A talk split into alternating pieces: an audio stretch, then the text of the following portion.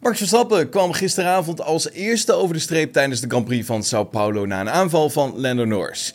Ja, Verstappen neemt ons mee in zijn race en doet een bijzondere onthulling over zijn slot van de race toen hij het intense gevecht tussen Sergio Perez en Fernando Alonso op de schermen volgde.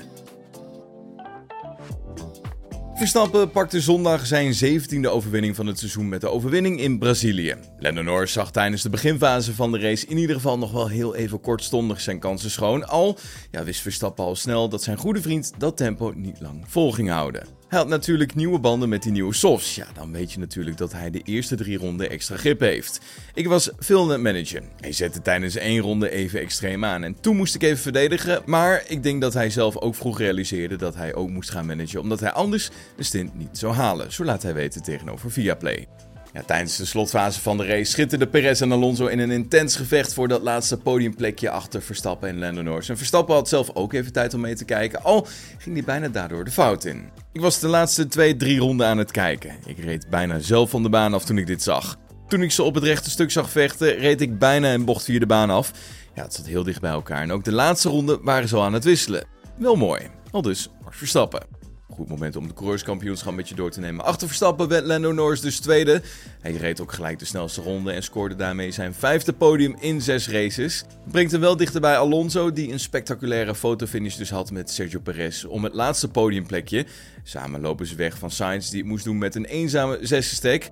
En Leclerc bleef punloos, evenals George Russell, omdat ze allebei uitvielen, omdat de olietemperatuur van de power unit van de Mercedes te hoog werd. Yuki Tsunoda scoorde voor AlphaTauri vijf belangrijke punten dankzij P6 in de sprintrace. En het team van Williams sleepte voor het eerst sinds Japan geen punten binnen. Ook Haas en Alfa Romeo bleven punloos in Brazilië. En Lewis Hamilton maakte niet de race mee waar hij toch wel op had gehoopt tijdens de Grand Prix van Sao Paulo. Zijn Mercedes had het lastig met de banden, vooral op de medium compound. Uiteindelijk kwam de zevenvoudig wereldkampioen als achtste over de streep. Zijn teamgenoot George Russell die moest eerder naar binnen komen. Dit was er eentje om te vergeten, maar hopelijk kunnen we er wel veel van leren. Ja, waar de tegenvallende pace nou precies vandaan komt, dat is moeilijk te zeggen, zo zegt Lewis Hamilton. De auto is vreselijk onvoorspelbaar. Het ene weekend voelt goed of een sessie voelt goed en daarna weer niet.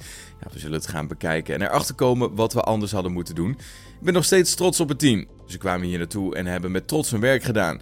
Dat moeten we blijven doen. Blijven pushen. Nog twee races met dit ding en hopelijk hoef ik er daarna niet meer mee te rijden. Zo sloot Lewis Hamilton af over de W14 tegenover Sky Sports F1. Ja, na de race op Sao Paulo moesten mensen zich ook weer melden bij de stewards. Dit keer echter niet een coureur die zich moest melden bij de wedstrijdleiding van de VIA, maar de organisatie van de race op Interlagos. Er zouden namelijk toeschouwers op de baan zijn gekomen terwijl de race nog bezig was.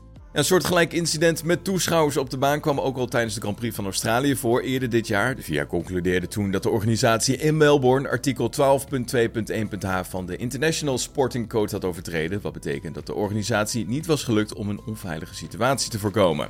De Internationale Autosportbond verplichtte de Australische organisatie om een diepgaand onderzoek te starten. Op het moment van de opname is nog onbekend waar en wanneer gisteren de toeschouwers op de baan stonden in Sao Paulo. Was hem dan het GP-fans nieuws van de maandagochtend hier op Spotify. Vond je dit een leuke aflevering? Vergeet ons dan zeker niet te volgen en dan zien we je vanmiddag weer. Tot dan. Hoi.